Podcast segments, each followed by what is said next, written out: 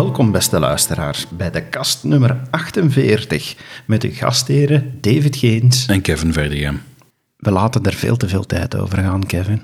Ja, ehm, we hebben eh, ja, drukke levens, ehm, maar dat laat niet weg dat, uh, ja, dat echt wel de moeite is nu om zeker in op te nemen. We hebben nu de eerste helft van de algemene conferentie achter de rug. Ehm, en dat is toch echt wel fijn. Uh, om te zien ja, hoe geestelijk dat we weer enorm gesterkt worden. Voor diegenen die nog niet eerder een podcast hebben meegemaakt waar we het hebben over een algemene conferentie, even duiden. Twee keer per jaar, eerste weekend van april en eerste weekend van oktober, hebben wij onze algemene conferentie als leden van de kerk. Dat is gebaseerd op het feit van dat alle leden van de kerk samenkomen niet langer fysisch, want dat zou wereldwijd met zijn 16 miljoen niet meer mogelijk zijn.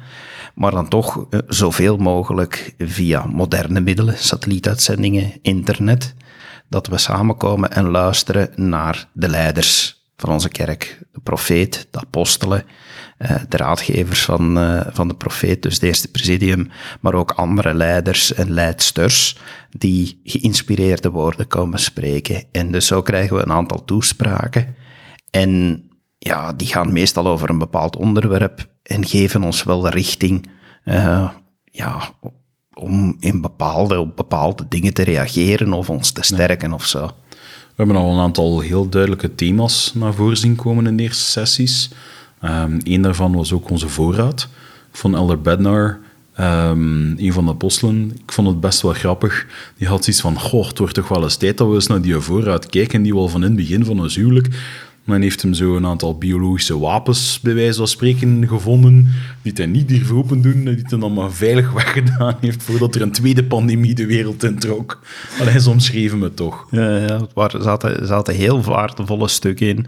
Maar de toespraak, en ik denk, en ik heb me heel sterk geïnspireerd gevoeld om de komende weken een aantal keren een podcast op te nemen en specifiek op een bepaald thema in te gaan. En deze keer voel ik me enorm geïnspireerd om te beginnen met de toespraak van Elder Oegdorf.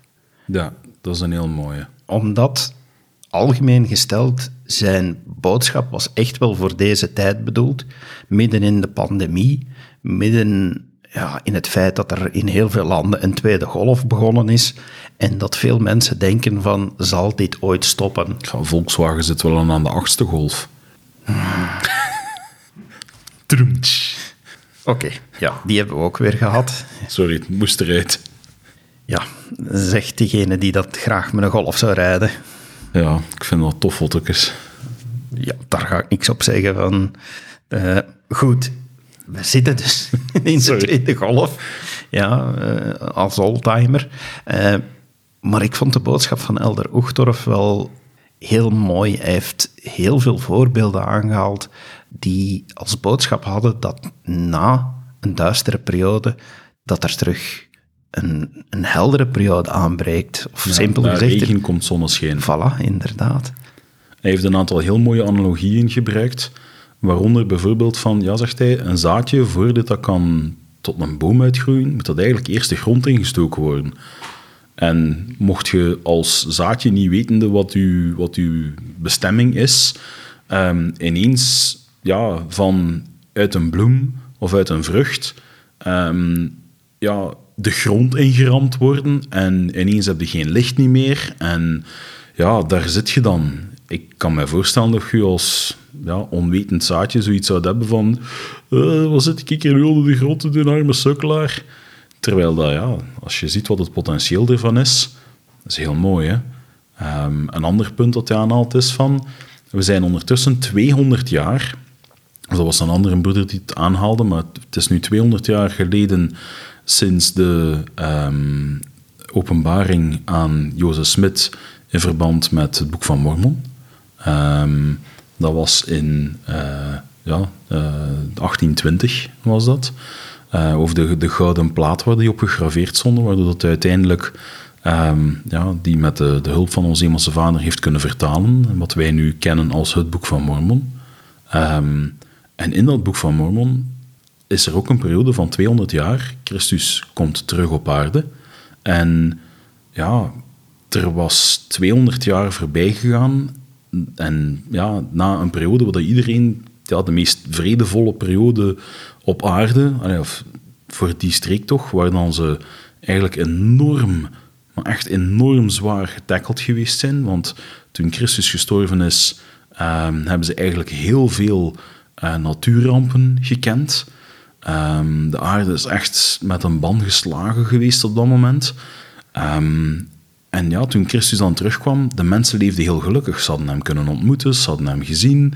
Ehm, ze hadden uh, de bergreden, zoals we in de Bijbel kennen, heeft hij ook daar gegeven. Uh, en mensen kenden vrede. Maar na 200 jaar, en ja, ondertussen x aantal generaties verder, ja, zien we dat mensen meer gaan seculariseren, niet alleen, maar ook meer naar uitersten gaan. En er werd ook gezegd van, we zien dat heel hard in de maatschappij vandaag ook, dat de tegengestelden enorm zijn. Ik moest denken aan Elder Oaks, zijn toespraak, waarin dat hij voornamelijk de Amerikaanse politiek, maar het is zeker van toepassing op andere plaatsen, um, aanhaalt om te zeggen van ja, we komen zelfs tegen dat er mensen dingen aan elkaar beginnen hun hoofd gooien, bij wijze van spreken, in onze kerkdiensten wat hun politieke mening betreft. Um, vond heel frappant om dan inderdaad te merken van we gaan meer naar uitersten. En we zagen dat ook in die periode in het Boek van Mormon. Mensen gingen meer naar uitersten. Ze eindigden uiteindelijk ook in stammen. Uh, in plaats van echt ja, steden of, of, of, familiegroep. Ja, het was in stammen. Uh, de, de, hele organisatie viel uiteen. Het is, het is frappant. Ik vond het ook heel mooi en heel bevredigend dat Elder Oegtorf een verhaal vertelde dat tegenslag soms eigenlijk dient om iets beter te bereiken nadien. Hij gaf daar het voorbeeld eh, dat toen ja, de eerste pioniers in Salt Lake City eh, van ons geloof, van onze kerk, daar, daar waren en zich zettelden, dat zij natuurlijk dachten van ja, eindelijk zijn we ergens dat we niet meer vervolgd worden. Want in de begindagen van onze kerk zijn er heel veel vervolgingen geweest. En uh, onze kerkleden, de, ja, toch de eerste kerkleden, 200 eh, jaar geleden of iets minder dan 200 jaar geleden, zijn verschillende keren moeten gaan vluchten. Nu, wanneer ze daar eigenlijk aangekomen zijn... vluchten, ze zijn echt steden uitgedreven geweest, hè? Ja, zelfs is er ooit een bevel getekend om ze, om ze uit te roeien. Ja, in Missouri. Hè? en dat is pas in de jaren 90 is dat uh, officieel ongedaan gemaakt dacht geweest. iets vroeger van... Uh, ik dacht dat het in de jaren 90 was. wat doet er niet toe. Maar goed, in het verhaal van Elder Oegtor, voor het voorbeeld dat hij geeft, zegt hij van kijk, ja, ze dachten van oké, nu kunnen we eindelijk, nu zijn we eindelijk op een plaats waar we veilig een tempel kunnen bouwen.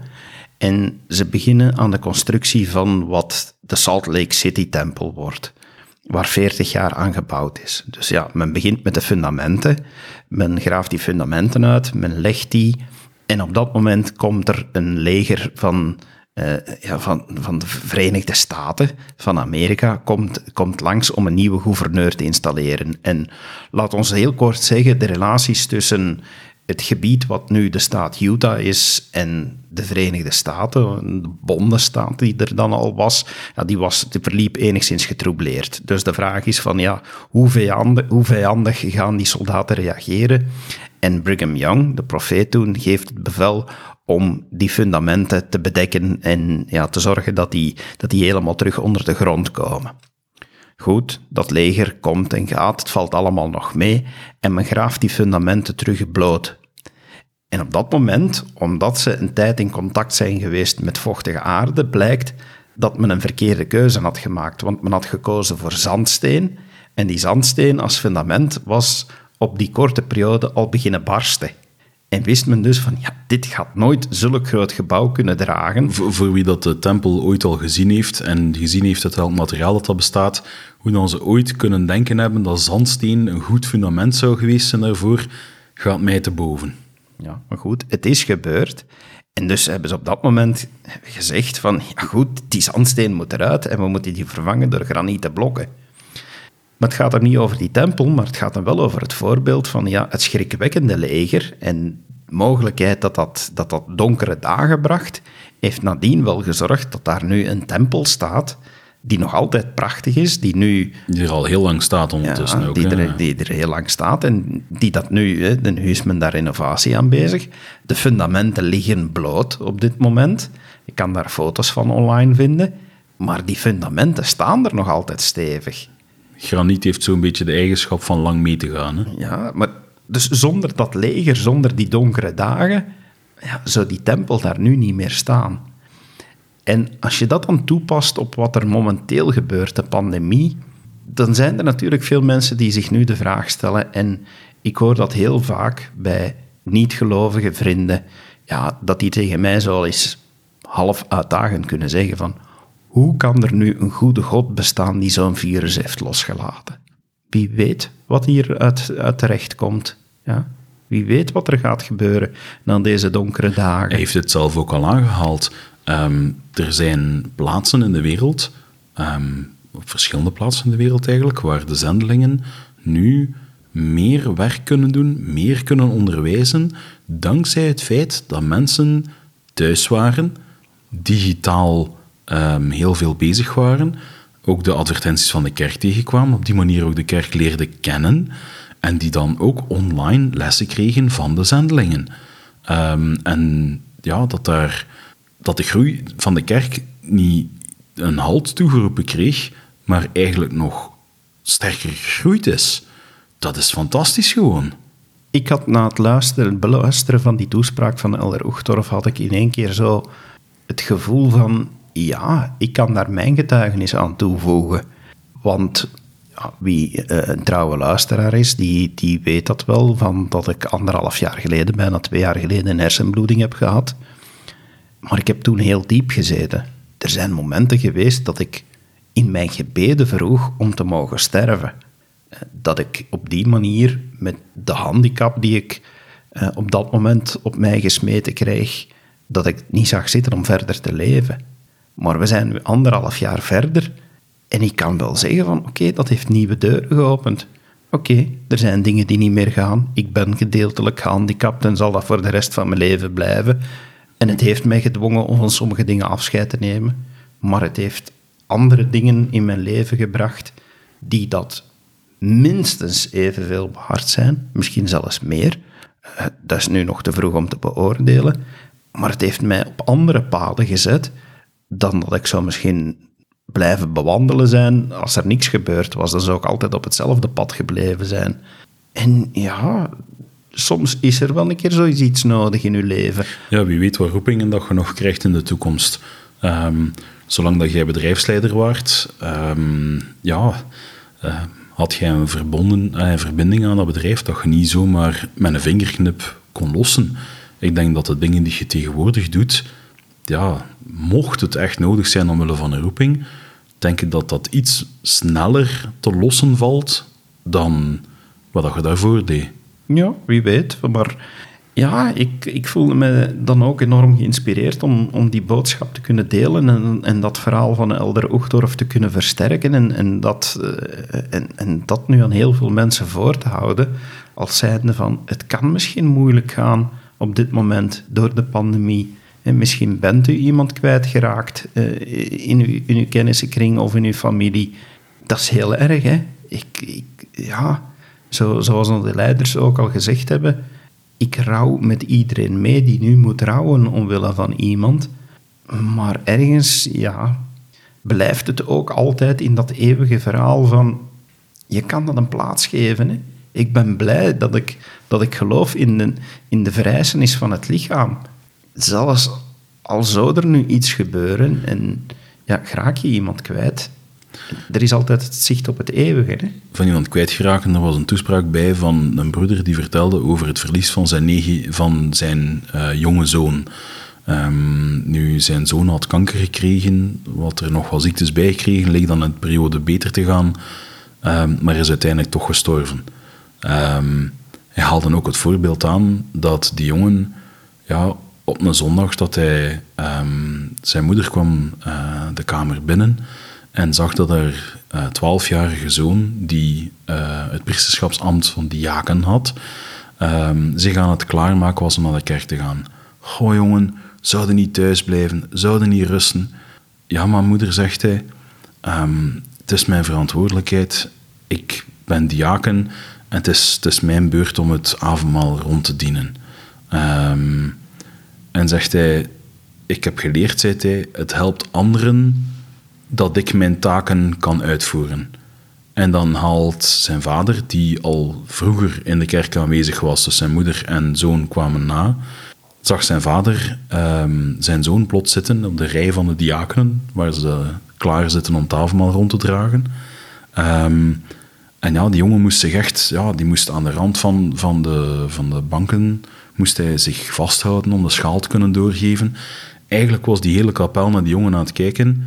En ondanks al die zijn ja, moeilijkheden, dat hij toch ja, zijn, zijn taken uitvoerde. Waarom? Omdat hij van de Heer houdt.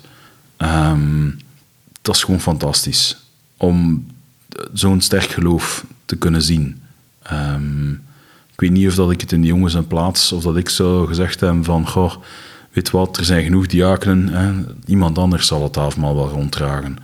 Maar hij had het inzicht ook om te zien van, ja, dat ook anderen daar ja, lering uit konden trekken, of, of toch ehm, ja, misschien er zich aan konden optrekken. Ehm, dat zij zal ingezien hebben van, ja, kijk, er zijn andere mensen die ook moeilijkheden hebben en die zeggen, goh, dit zie ik niet zitten, ehm, dat ga ik niet kunnen. Zo was er ook een zuster die vertelde over een vriendin van haar die ja, pas gescheiden was. En de ene week zaten haar kinderen bij haar man, de andere week bij haar. En ja, ze zag er niet zitten om helemaal alleen achteraan in de kapel te gaan zitten. Bleek daar een, een van de jonge vrouwen, een meisje van amper 16 jaar, um, bleek daar dan voor haar te zitten. En de hele tijd zat haar vriendin zo te denken van, goh, laat ze alsjeblieft niet tegen mij spreken, kan dat nu niet aan. En dan van zodra dat dienst gedaan was, ging dat meisje van 16 op haar vriendin af en zei van, goh, zegt ze zuster, ik zie dat het voor jou een moeilijke dag is. Ehm, kom hier dat ik je een knuffel geef. En ja, die zuster is dan ook beginnen wenen, maar die heeft er zich enorm aan opgetrokken. En dat was een van de mooie boodschappen ook. Um, uh, wacht, hè. ik heb het genoteerd gehad. Staan even bijnemen. Um, see each other deeply and be deeply seen. dus eigenlijk, ja, geef aandacht naar een ander en kijk er eens goed naar. want dan kun je, ja, dan kun je ook, allee, maak dat je gezien zijt. In de zin van, zorg dat men jou kan observeren dat je goed aan het doen bent in de wereld. Maar tegelijkertijd, die zuster die dan de toespraak gaf, die zei van ja, ik kreeg de inspiratie, zegt ze. Ik had gebeden, waar, moet ik nu aan werken, Heer? Om een beter persoon te worden, waar kan ik nu aan werken? En ze kreeg de inspiratie, ja, zegt ze, ehm, om haar gsm niet meer bij haar te nemen als ze ergens aan het wachten was. En het trof, ze was in de winkel en um, ja, stond in een lange rij aan te schuiven. En ze dacht van, oh, mijn gsm... Ah, maar wacht, zegt ze, ik had die inspiratie gekregen om niet meer naar mijn gsm te kijken. En dan kijkt ze rond en ziet ze een man met een, een iets oudere man um, met in zijn kar enkel wat blikken kattenvoer. En ze spreekt die aan. Um, zo van, ah, ik zie dat u een kat heeft. Ja, zegt hij, kijk, er komt een storm Dat is wel de meest intelligente vraag. Dat is de meest intelligente vraag. Um, ja, nee, ik had gewoon een hongerke mevrouw. Um, en dan uh, zei die man, ja, begon hij erover te vertellen dat er een storm aankwam, dat hij wel voldoende eten in huis had, maar misschien niet voor de kat en hij wou niet zonder vallen. En ze slaan een gezellig praatje en dan zegt die man, ja, zegt hij, ik heb dat vandaag aan nog niemand verteld, zegt hij, maar het is vandaag mijn verjaardag. Um, en ik ben helemaal alleen. Um, die zuster was er zo door getroffen dat ze eigenlijk door die inspiratie te volgen, dat ze eigenlijk een lichtpunt kon zijn in het leven van iemand anders. Door meer te observeren, in plaats van in haar gsm, self-absorbed, uh, hoe zeg je dat in het Nederlands? Niet zelf ingenomen, maar, maar meer met zichzelf bezig. In zichzelf gekeerd. In zichzelf gekeerd bezig te zijn, om dan, ja, um, te letten op de mensen rondom haar heen. En dan eigenlijk tot de vaststelling te komen van, ja, nu heb ik toch wel iets goed kunnen doen. Um, hoe fijn is dat niet? Ja, maar dat vond ik eigenlijk nu heel opvallend. We zitten nog maar halverwege deze conferentie. Uh, we hebben dus uh, deze eerste sessies meegemaakt. Maar ik vond het, althans voor mij, een beetje als rode draad, opnieuw uh, die aandacht voor the one. Ja? Ja. er zaten ook verhaal in, een verhaal in van ja, hoe raak je een berg op? het was uh, stap stap. Ja, die, die vertelde van dat hij de Mount Fuji uh, wilde opgaan en dat hij ook besefte van, ja jongens, ik vind hier maar de kracht voor de volgende stap. Maar hij is iedere keer wel de volgende stap gaan zetten. Ja. Dus als je dat combineert, iedere keer de volgende stap zetten met aandacht voor die ene, ja, je ogen open houden, zoals je net heel mooi uh, vertelde, dan kan je enorm veel bereiken. Hè. Als je iedere keer een stap zet en één iemand kan bereiken. En dat is voor mij een enorme inspiratie geweest deze keer. Ik heb ook gemerkt dat tijdens de tweede sessie heel vaak indrukken tot mij kwamen, inspiratie echt wel, om dat ook te gaan toepassen. Om heel vaak, als ik zo eens in een flits denk, hoe zou het gaan met het niet enkel bij die gedachten te houden, maar het dan ook gewoon te vragen. Om dan inderdaad simpelweg wel die gsm te nemen en een berichtje te sturen of een telefoontje te doen en te vragen van, hé, hey, hoe is het met u? Uh, alles oké? Um, ik denk dat dat net in deze tijden, ja, ook wederom in deze pandemietijden, dat dat een enorme les is. En ik moet eerlijk bekennen dat ik zo vaak aan mensen dacht en van, ik moet die contacteren, ik, oh, ik ga eens dat doen of ik ga eens dit doen ben heel vaak afgeleid tijdens die tweede sessie. En ik ben dus enorm dankbaar dat die opgenomen worden, want ik ga er echt eens een tweede keer moeten naar luisteren, want ik heb heel de stukken gemist, omdat de indrukken zo sterk waren dat ik, dat ik iets hoorde vertellen, dat ik een paar zinnen hoorde die mij op een bepaald pad van denken zetten. En dat ik de volgende twee, drie minuten van de toespraak dan zeker gemist heb. En dan zo in één keer terug hè, net wakker schiet, bij wijze van spreken. En, en dan zo van, ah ja, waar ging dit nu weer over? Van, maar ik ben er niet rouwig om, want ik ben heel blij dat ik deze keer uh, echt zo heel duidelijke indrukken gekregen heb om, om meer te doen en, en meer te kunnen er zijn, inderdaad, zoals jij zegt, voor anderen. Ik dacht dat het ook al de Oegtof was die voor de conferentie een oproep had gedaan om ja, echt wel met, een, met vragen in uw, in uw hoofd of in uw hart naar de conferentie te luisteren. En niet zozeer notitiesystemen van die heeft nu dit gezegd, die heeft dat gezegd, want ja, de notities worden genomen in de zin van, ja, je kunt ze daarna honderd keer opnieuw lezen, maar schrijf wel op wat u raakt. Schrijf op welke ingevingen dat de geest aan u bekend maakt. Ga kijken van, goed, waar kan ik aan verbeteren? Waar kan ik aan werken? Want ik heb ook iets opgeschreven. Ik heb ze er net met juist overlopen wat ik allemaal opgeschreven had. Er, kwam een, er zat een inspiratie bij die niet in de conferentie voorkwam. Maar ja, van, het een, van de ene gedachte komt de andere. En dat leidde me wel tot inspiratie naar ja, iets dat voor mij persoonlijk belangrijk is. Ik heb die inspiratie gekregen dankzij het feit dat ik naar de conferentie keek, hoewel dat daar geen specifieke boodschap rond um, ja, gebracht werd. Voor mij was het persoonlijk ook heel versterkend. En ja, dit wil ik, dit wil ik nu ook wel delen. Uh, dus ook schaamteloos reclame maken. Maar uh, ja, ik heb twee jaar gespendeerd aan een boek. De keuze om te geloven. En nu het af is, was ik eerder teleurgesteld in mezelf. Ik had constant zoiets, dit had beter kunnen zijn. Ik heb aan sommige mensen feedback gevraagd en dan ook gekregen. En soms was die, die heel eerlijk, maar dus ook hard. En ik had zoiets van, weet je wat, het is af. Ik heb die doelstelling bereikt. Ja, laat het maar zijn. Um, ik heb het dan zelf uitgegeven. Uh, ik had ook niet meer de kracht of de moed om er een uitgever voor te zoeken. Ik had ook niet het gevoel dat dat, uh, dat, dat het juiste was. Dus ja, ik heb, ze, ik heb het nu zelf uitgegeven en ja, ik heb twintig exemplaren laten drukken. En nu zijn er al een aantal mensen die gezegd hebben van, oh ja, maar ik wil daar wel een exemplaar van. En dat is heel fijn. Uh, dat is enorm hard verwarmend om te voelen dat er toch mensen geïnteresseerd zijn. Dus ook niet dat er, dat er nu een stormloop is en dat ik er nog honderd moet bijdrukken. En ik, ik had daar dan in tweede fase een dubbel gevoel van, ah ja, een aantal mensen is geïnteresseerd, dat is heel leuk, maar ja, ik had ooit altijd eigenlijk gehoopt van dat, dat mijn boek voor een aantal mensen een, de mogelijkheid zou zijn om, om ja, iets, iets verrijkend te hebben in hun leven. En dan nu, met het luisteren naar de toespraken, heb ik ook wel heel sterk de indruk gegeven van, ja, maar het gaat misschien maar om die ene. Je moet geen bestseller schrijven. Ehm, en of dat je er nu twintig exemplaren van kan verdelen tegen kostprijs, of je kan er daar honderd van verdelen, doe het in vertrouwen. En er zal wel iemand zijn die iets leest in je boek en daar een boodschap aan heeft. En wees daar gewoon blij mee.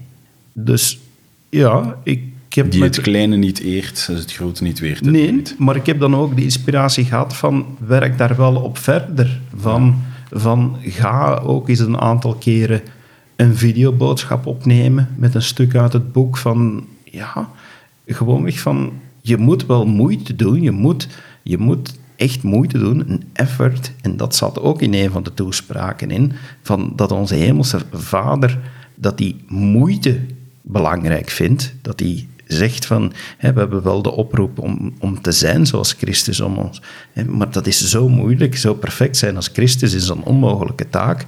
Maar in die toespraak zat ook de, de heel versterkende boodschap in van, ja, doe tenminste de moeite. Zet die stap, zet die volgende stap. De Heer waardeert moeite, hè? Ja, en de Heer waardeert moeite. En dus heb ik nu zoiets van, oké, ja, ik heb mijn stappen gezet, die boek is er. Dus ja, ga ik hem nu ook maar proberen wat bekend te maken. Bij deze dus, er is een boek, De Keuze om te geloven. Wie interesse heeft, die stuurt maar een mailtje.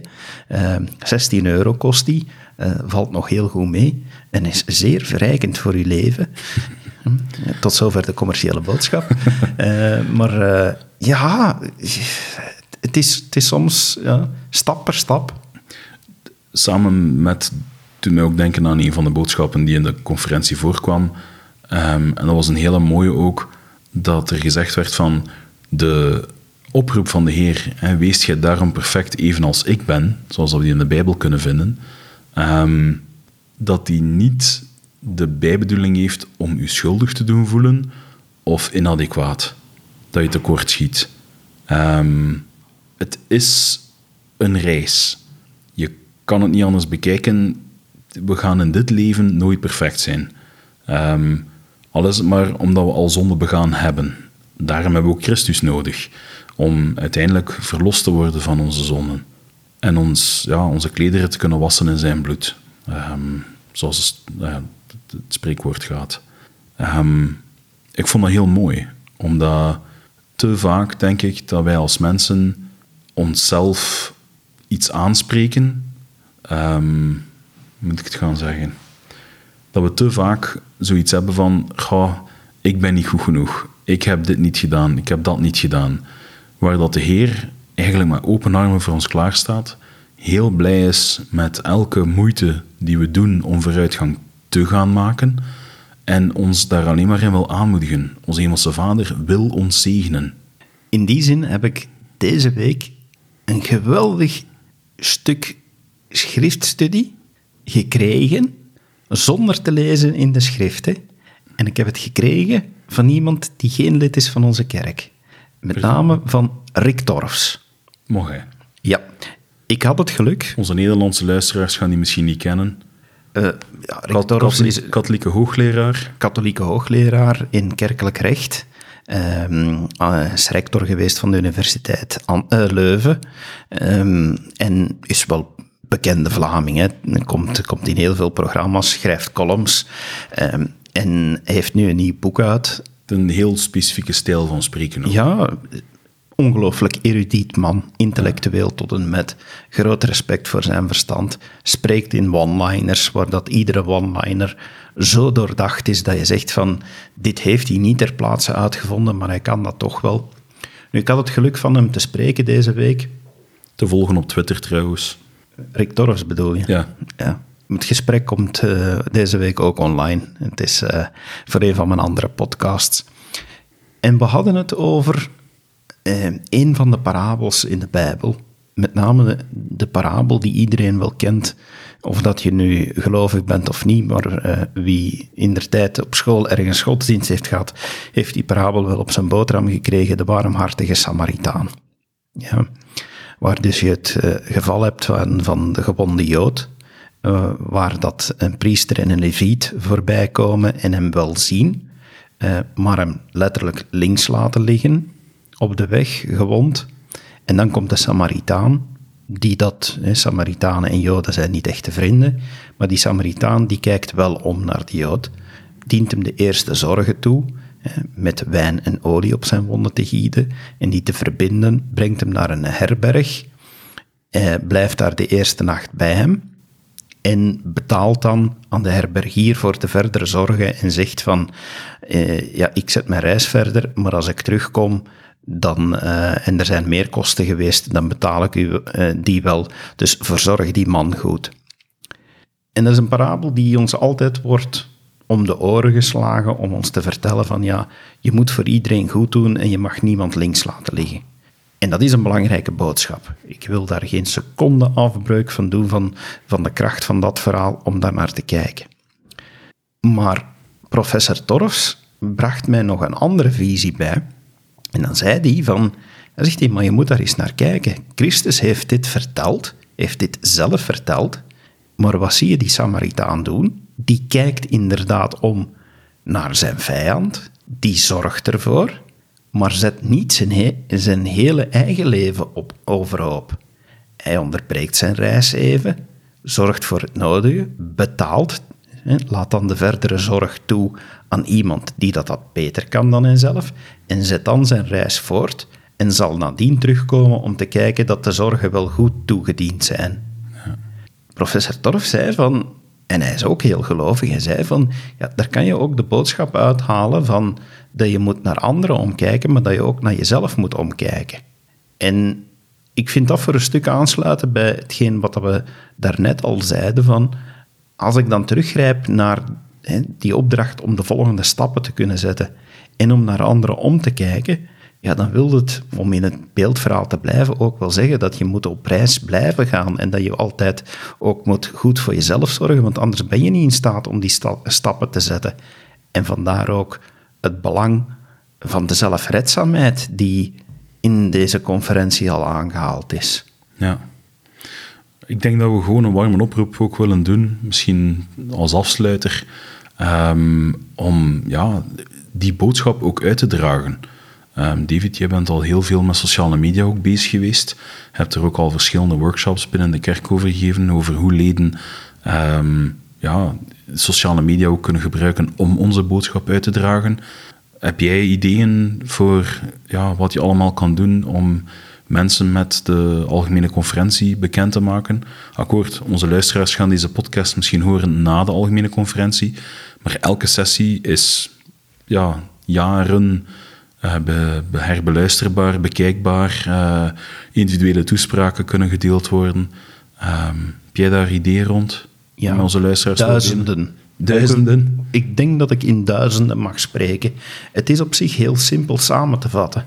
Ja, doe maar. Je, er zijn geen boeken, geen richtlijnen te volgen. Uh, ieder idee is valabel. Je kan bijvoorbeeld, voor diegenen die niet direct weten hoe eraan te beginnen, neem contact met de zendelingen uh, die, je, die je kent. De zendelingen zijn momenteel getraind om heel veel van, van hun taken online te doen, zoals je daarnet al vertelde. Die kunnen daar hulp bij gebruiken. Die kunnen de dingen die zij maken en delen, die kan jij op jouw beurt weer delen. Een ander voorbeeld, er worden heel veel memes gemaakt omtrent de algemene conferentie. De meeste in het Engels. Die kan je overnemen, die kan je delen. Ja. Maar wat ik persoonlijk het krachtigste vind, dat is als je er een persoonlijke toets aan geeft. Is, ja, je kan zelf een meme gaan maken als je, als je goed bent met foto's en daar wat dingen op plaatsen. zijn genoeg apps voor om dat te doen tegenwoordig. Voor de website Meme Generator. Je kan gelijk, op, op 1, 2, 3 heb je een meme in elkaar gestoken zeg het, honderden apps voor iedereen maakt tegenwoordig memes en leuke verhalen. Dus uh, doe gerust. je kan ook gewoon je verhaal vertellen. We, we merken bijvoorbeeld, en bij deze dus eigenlijk ook weer een oproep, we krijgen soms heel mooie verhalen binnen uh, bij communications, die we dan kunnen delen op de website van de kerk, die in het tijdschrift van de kerk, de Liaona, uh, terecht kunnen komen. Dus heb je een mooi verhaal te vertellen, laat het ons weten, zet het ook op je Facebook, net zoals wij hier delen. Uh, begin misschien een podcast. Of als je dat te moeilijk vindt, laat het ons weten dat je je verhaal wilt delen in onze podcast. Kan ook perfect. Met heel veel plezier zelfs. Met heel veel plezier. Mogelijkheden genoeg tegenwoordig dankzij de technologieën. Je moet niet denken van dat je daarvoor moet verplaatsen naar onze geweldig ingerichte studio of zo. Ja, gewoon zet, u, zet uw gsm neer, neem je verhaal even op, al is het maar twee minuten, deel dat. Ik heb altijd zoiets en ik besef het altijd maar meer en meer. Christus is het licht en dat licht moet overal schijnen. Maar er zijn zoveel hoekjes en kantjes in deze wereld en licht heeft nu eenmaal de eigenschap van in een rechte lijn door te gaan. Dus als dat moet afbuigen om in al die hoekjes en kanten te gaan, dan is er iets nodig wat weerspiegelt, wat reflecteert. Was dat niet een van de toespraken ook in de conferentie, dat wij spiegels moeten zijn voor dat licht, het licht van Christus? Een tijdje geleden, ja. ja. En ja, wie moeten dat zijn? Wij gewoonweg. En dat is wat je ook zo vaak hoort, is dat mensen tegen ons zeggen van, jullie hebben toch iets speciaals in jullie ogen. Dat is gewoon dat licht wat we reflecteren. En dat is onze taak. En dat kan je op duizend en één manieren doen. En daar kan je die ene mee bereiken. En de ene zal dus een boek schrijven, de andere zal een leuke status op Facebook zetten, en ander zal gewoon wegklikken op delen bij een leuke meme. Het is allemaal de moeite waard. Dank u wel, David. Ik denk dat we daarmee rond zijn voor deze editie. We zullen snel weer... Uh, ja, we gaan materiaal genoeg hebben na deze conferentie, denk ik, om het idee dat je ook had uh, te kunnen gebruiken om een aantal doctrinepunten uit die toespraak te gaan halen en daar boodschappen rondbrengen. Um, zoals altijd, beste luisteraars, kan je ons bereiken um, via zeg het maar at de Je kan ons op onze sociale media bereiken. Uh, voor de mensen die um, ons nog niet kennen, de Kast van ja, heeft zijn eigen pagina, ook op Facebook. Mag je altijd berichten insturen, mag je altijd... Um, ja, stuur maar. We, we horen jullie graag. En als je echt schitterend werk wil doen, deel deze podcast. Hey. ja, we, uh, we, hopen dat we hier mensen mee kunnen bereiken, dus ook daar kan u ons mee helpen door uh, dit verder te verspreiden. Absoluut, dankjewel. Beste luisteraars, dankjewel en graag tot de volgende keer. Dag. Dag.